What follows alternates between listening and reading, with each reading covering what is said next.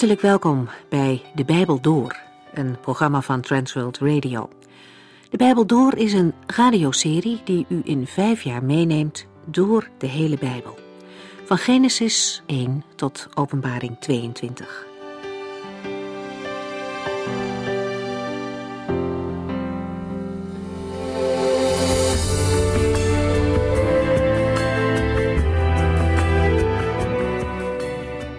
Ook vandaag lezen we uit de brief aan de Colossensen. In hoofdstuk 1 beschrijft Paulus negen unieke kenmerken van Jezus Christus, die duidelijk maken dat Christus naast zijn mens zijn ook volledig God was. Hij is bijvoorbeeld de eerste uit de doden opgestaan. En daarin is hij ons voorgegaan. Wat geen enkel mens kon bereiken, was voor hem wel mogelijk. Hij overwon de dood en dat had grote gevolgen. Omdat hij de macht van de dood verbroken heeft, is er eeuwig leven beschikbaar gekomen voor iedereen die in hem gelooft. Alle gelovigen zullen op een dag opstaan en met Jezus Christus leven voor altijd. Het bloed dat Jezus vrijwillig gaf aan het kruis bracht vrede aan een gebroken wereld. En zijn offer was genoeg om herstel te brengen tussen God en zijn schepping. Geen zonde is te groot voor de genade die Jezus geeft. Het verzoeningswerk van Jezus Christus omvat alles wat er in de hemel en op aarde is. Daarmee zeggen we niet dat er een alverzoening is, dat alle mensen wel behouden in de hemel zullen komen. Ook uit andere Bijbelgedeelten blijkt dat die gedachte geen stand houdt. Maar de disharmonie die er sinds de zondeval is tussen God en de schepping, wordt in Christus opgeheven. De volledige uitwerking hiervan zal uiteindelijk zichtbaar worden in de nieuwe hemel en de nieuwe aarde. Dan zal iedereen erkennen dat Jezus Christus Heer is, en elke knie zal voor Hem buigen.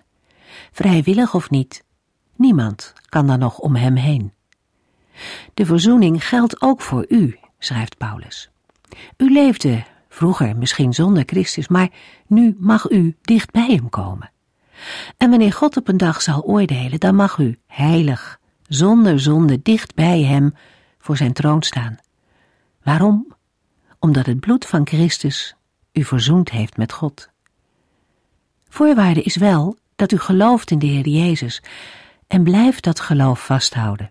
Laat u niet afbrengen van de hoop van het Evangelie. Christus is immers gestorven om u te redden. En hij is ook weer opgestaan en hij geeft u eeuwig leven.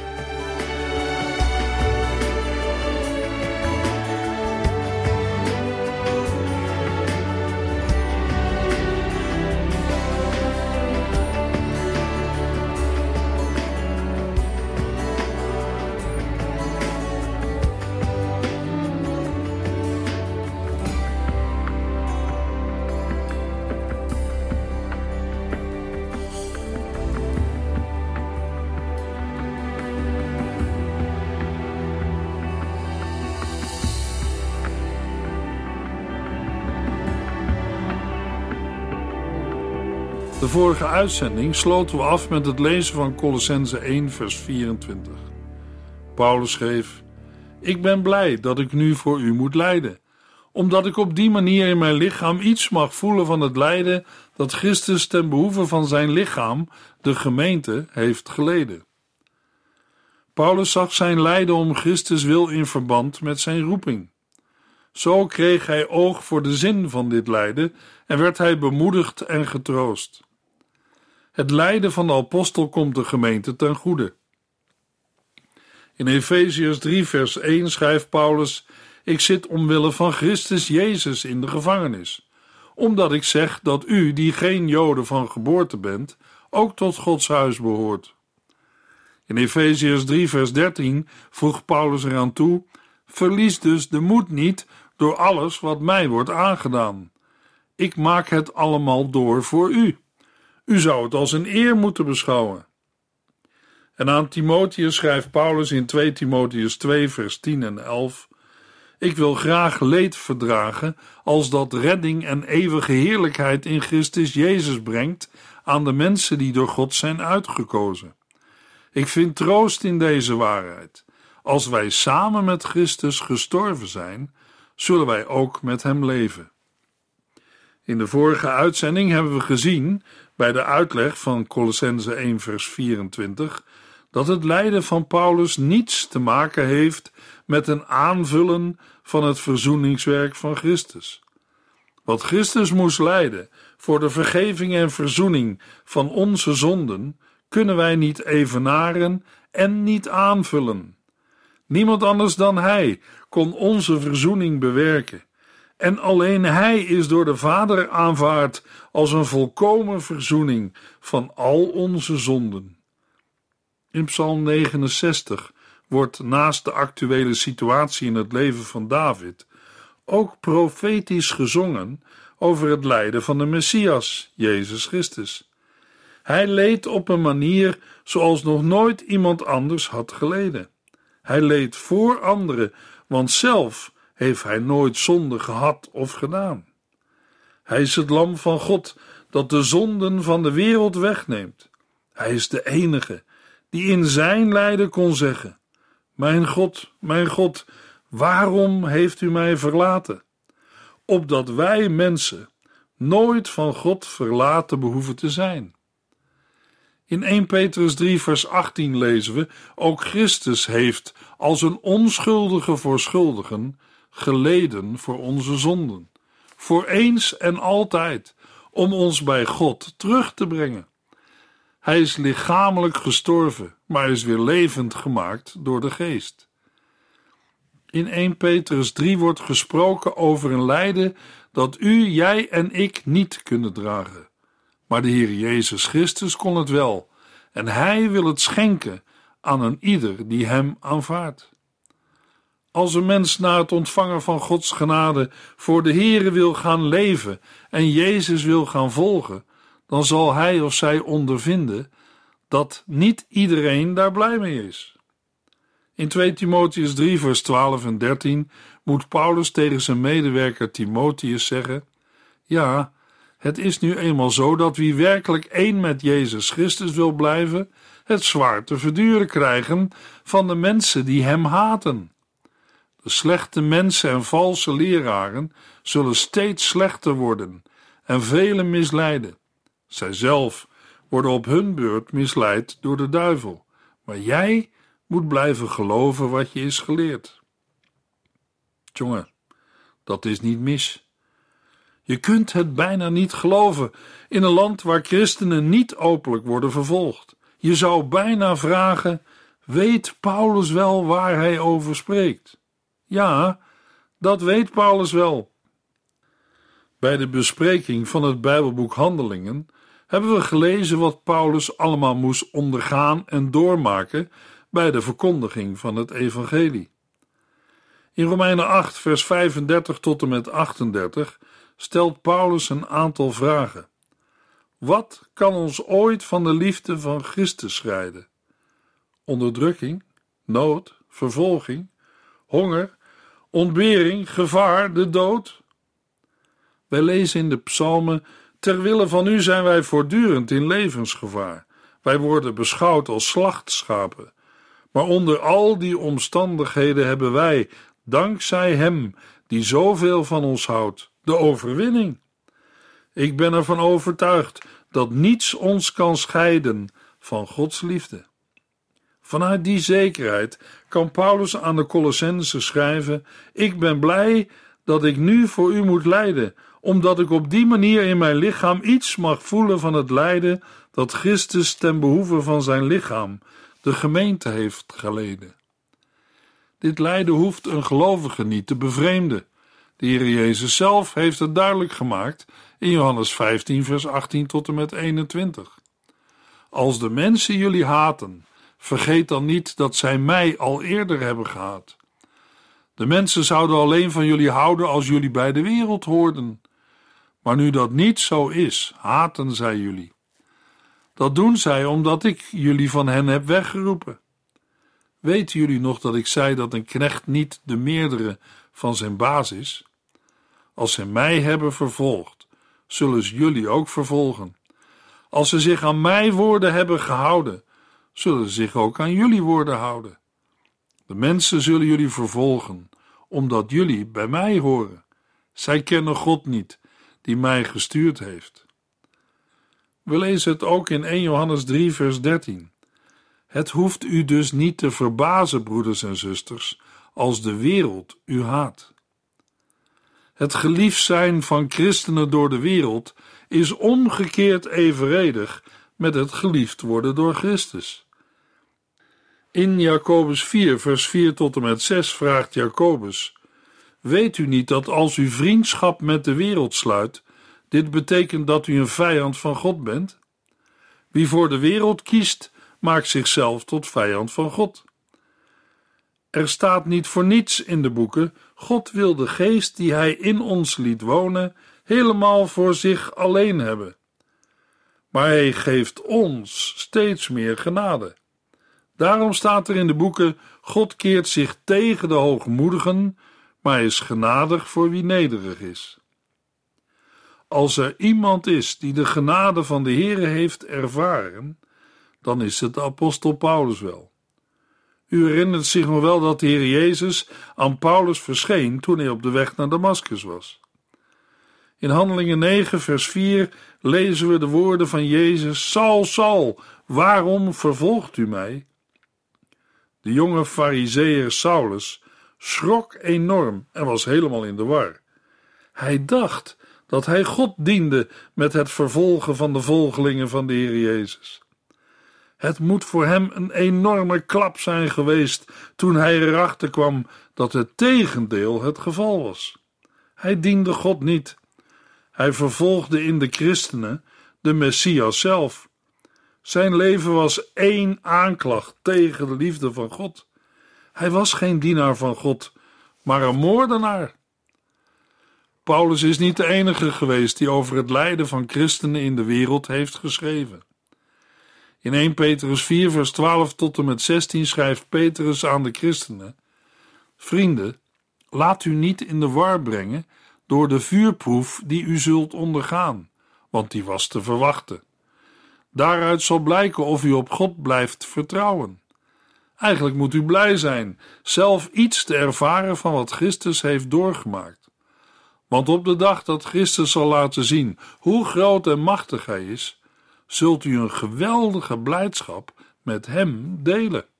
Wees blij als u uitgescholden wordt omdat u bij Jezus hoort, want dat is het bewijs dat de heerlijkheid van de Geest van God op u rust. Maar laat niemand moeten lijden omdat hij een moord, een diefstal of een andere misdaad heeft begaan, of omdat hij een bemoeial is. Als u moet lijden omdat u christen bent, hoeft u zich niet te schamen, maar u kunt God ervoor prijzen dat u de naam van Christus draagt. Ook Petrus heeft de genade van de Heere aan de lijve ondervonden. Toen hij de heiland drie keer verloochend had, vergaf de heiland hem en mocht Petrus opnieuw beginnen en de Heer Jezus dienen. Hetzelfde zien we bij de apostel Paulus. Van een vervolger van christenen werd hij een dienaar van Christus en mag hij de gemeente van Christus dienen. Colossense 1 vers 25 God heeft mij immers opgedragen de gemeente te dienen, door haar alles over zijn woord te vertellen. Paulus is na zijn bekering niet gewoon doorgegaan met een leven als fariseer. Nee, de Heer had hem geroepen en aangesteld om een dienaar van de gemeente van Christus te zijn. Paulus is daarin gehoorzaam geweest. Hij heeft zich tegen deze roeping van de Heere niet verzet. Hij wist niet wat hem allemaal te wachten stond als verkondiger van het evangelie. Maar nu schrijft hij vanuit de gevangenis, na heel wat te hebben meegemaakt aan lijden om Christus wil. Van deze gemeente ben ik, in het Grieks met nadruk, een dienaar, zoals hij ook een dienaar van het woord is. Paulus is dat niet op eigen initiatief geworden, maar in opdracht van de Heere. God zelf heeft hem de bediening, de verantwoordelijkheid, het rentmeesterschap gegeven om de gemeente van Christus te dienen. Paulus had van God de opdracht om het evangelie aan de heidenen, de niet-Joden, te brengen. Het alles over zijn woord vertellen is het verkondigen van het evangelie in al zijn volheid, in al zijn kracht en rijkdom. Wij kunnen daarbij denken aan een prediking die gepaard gaat met tekenen en wonderen, maar ook aan een prediking waarin Christus helemaal centraal staat. Alles moet Paulus over Gods woord vertellen. In het Oude Testament was het geheimenis van het evangelie en de Messias nog verborgen. Maar nu heeft de Heer het geopenbaard en dat goede nieuws moet nu ook aan de heidenen, de niet-Joden, worden verkondigd. Want in de gemeente van Christus is er geen afstand meer tussen Joden en niet-Joden. Colossense 1, vers 26. Dat heeft God door de eeuwen heen verborgen gehouden, maar nu bekend gemaakt aan hen die Hem liefhebben en voor Hem willen leven. Het woord van God omvat het geheimenis van Christus. Het Griekse woord mysterion kan vertaald worden met geheimenis of verborgenheid. Het heeft niets te maken met geheimzinnigheid of een mysterie. Het geheimenis of de verborgenheid is een onderdeel van Gods heilsplan, dat nog onbekend, nog niet geopenbaard is. In de brief van Paulus aan de Efeziërs hebben we erover gelezen. In Efeziërs 3, vers 3 tot en met 7 schrijft Paulus: Wat ik hiervoor in het kort schreef, was tot nog toe onbekend. Maar God heeft het mij duidelijk gemaakt. Daaraan kunt u zien hoe goed ik begrijp wat voor bedoeling God met Christus heeft. Vroeger is dat altijd voor de mensen verborgen gebleven, maar nu heeft God het door de Heilige Geest aan zijn apostelen en profeten bekendgemaakt. Het komt hierop neer. Door het goede nieuws te geloven, delen niet-Joden in de erfenis van de Joden. Horen zij bij hetzelfde lichaam, de gemeente. En voor hen geldt dezelfde belofte in Christus Jezus.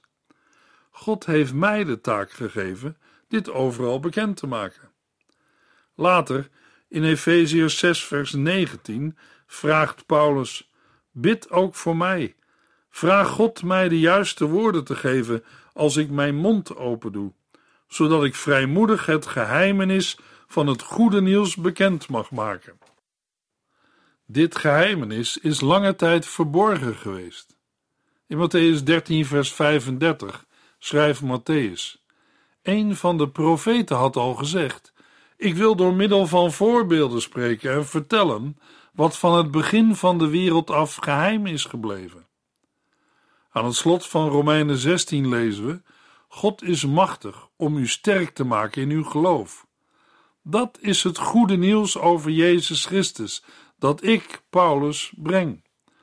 De waarheid over Hem is eeuwenlang verborgen gebleven, maar nu bekendgemaakt. In de boeken van de profeten werd er al over gesproken, maar nu heeft de eeuwige God opdracht gegeven dat alle volken het moeten horen opdat ze Hem gaan gehoorzamen en vertrouwen. Alleen God is wijs en verstandig. Aan Hem komt alle eer toe, door Jezus Christus, voor altijd en eeuwig. Amen. Colossense 1, vers 26.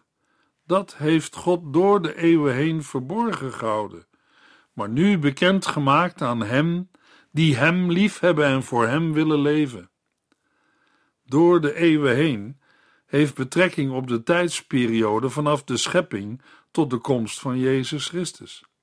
Vanaf dat moment heeft God dit geheimenis, deze verborgenheid, aan de gelovigen geopenbaard. Nu slaat op de nieuwe tijd die begonnen is met de komst van Christus op aarde. Bij de woorden bekend gemaakt aan hen die Hem liefhebben en voor Hem willen leven, moeten we in dit verband eerst denken aan de apostelen en profeten uit het Nieuwe Testament, die de boodschap van het geheimenis van Christus aan de niet-Joden gingen verkondigen. Daarnaast zijn de woorden die Hem liefhebben en voor Hem willen leven een aanduiding voor alle gelovigen. Colossense 1, vers 27.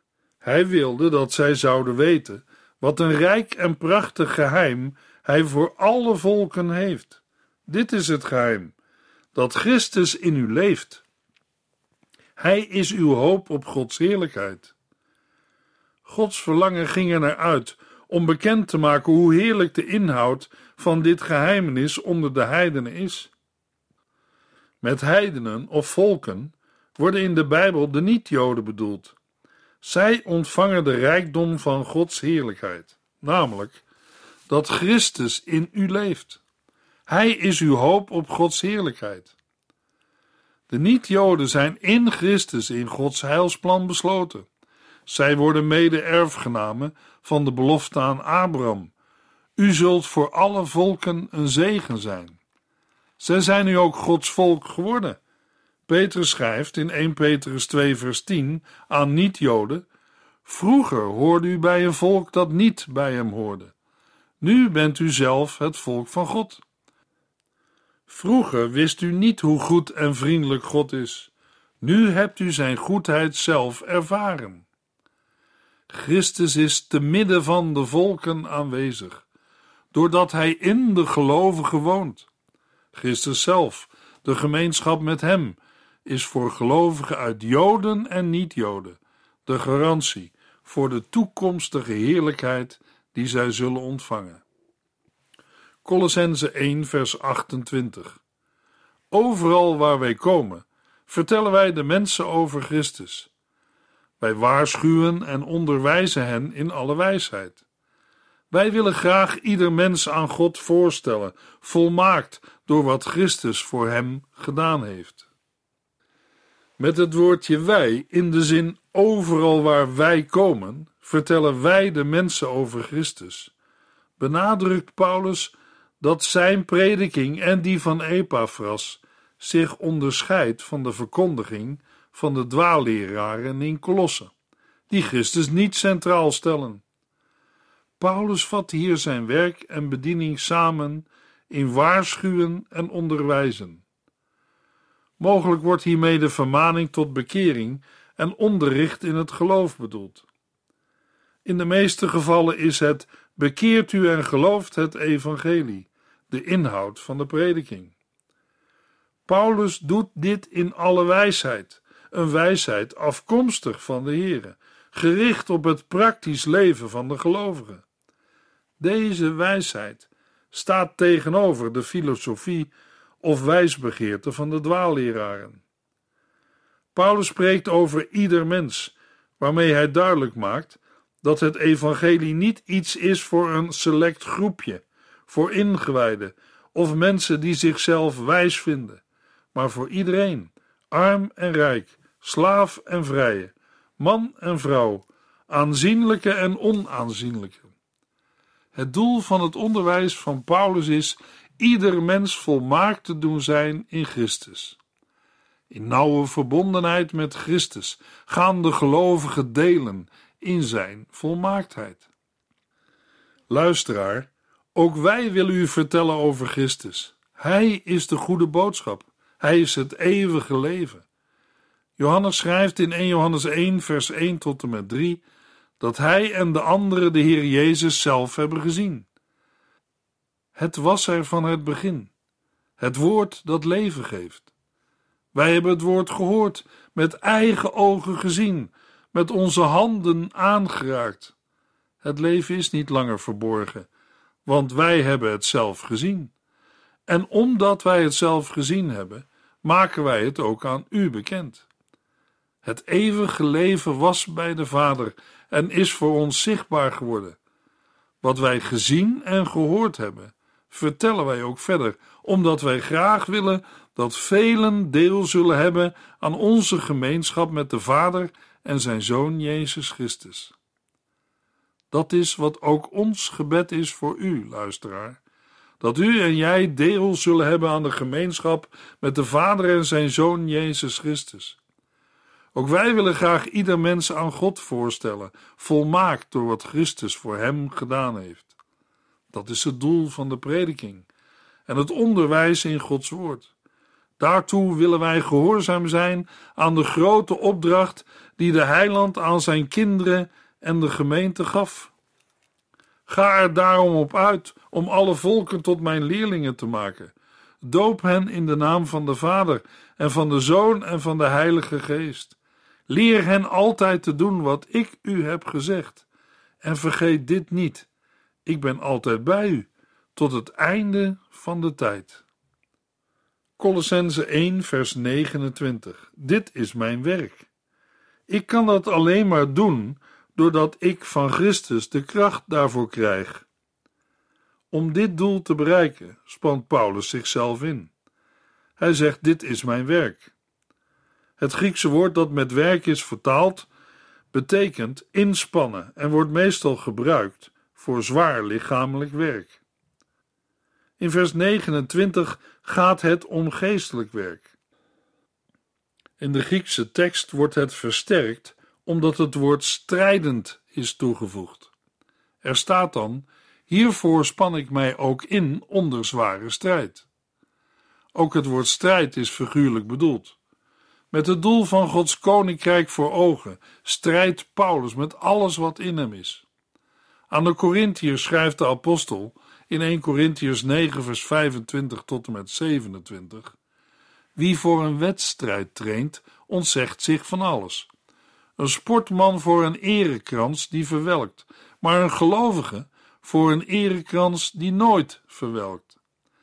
Daarom loop ik niet zomaar wat in het wilde weg en sta ik ook niet in de lucht te boksen.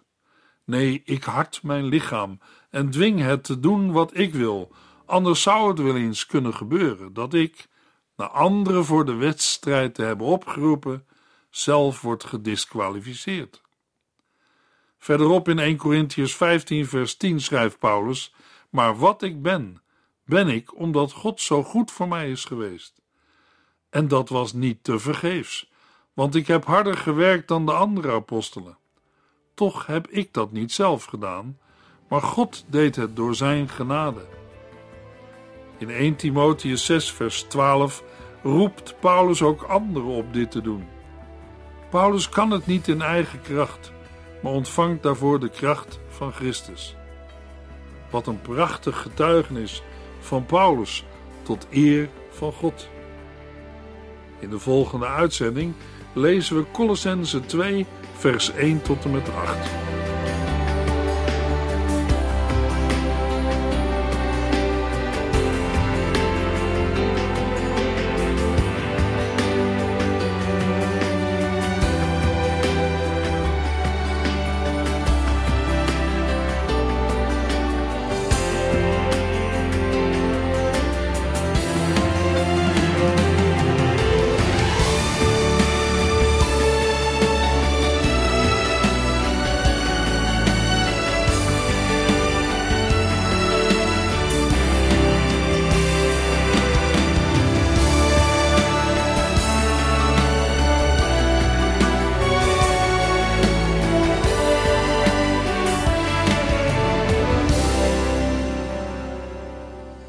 Geluisterd naar De Bijbel Door.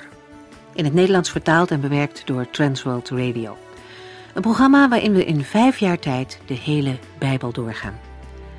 Als u wilt reageren op deze uitzending of u heeft vragen, dan kunt u contact met ons opnemen. Tijdens kantooruren kunt u bellen op 0342 47 8432. 0342 47 8432. 32. Ook kunt u een e-mail sturen naar de Bijbel door transworldradio.nl en natuurlijk kunt u ook via de post ons bereiken. TWR, postbus 371, postcode 3770, AJ in Barneveld. Dit programma werd gepresenteerd door Cor Weda en Ike André. Techniek was in handen van Odin van Woerdekom. En wij allemaal bedanken u voor het luisteren. Graag tot de volgende keer.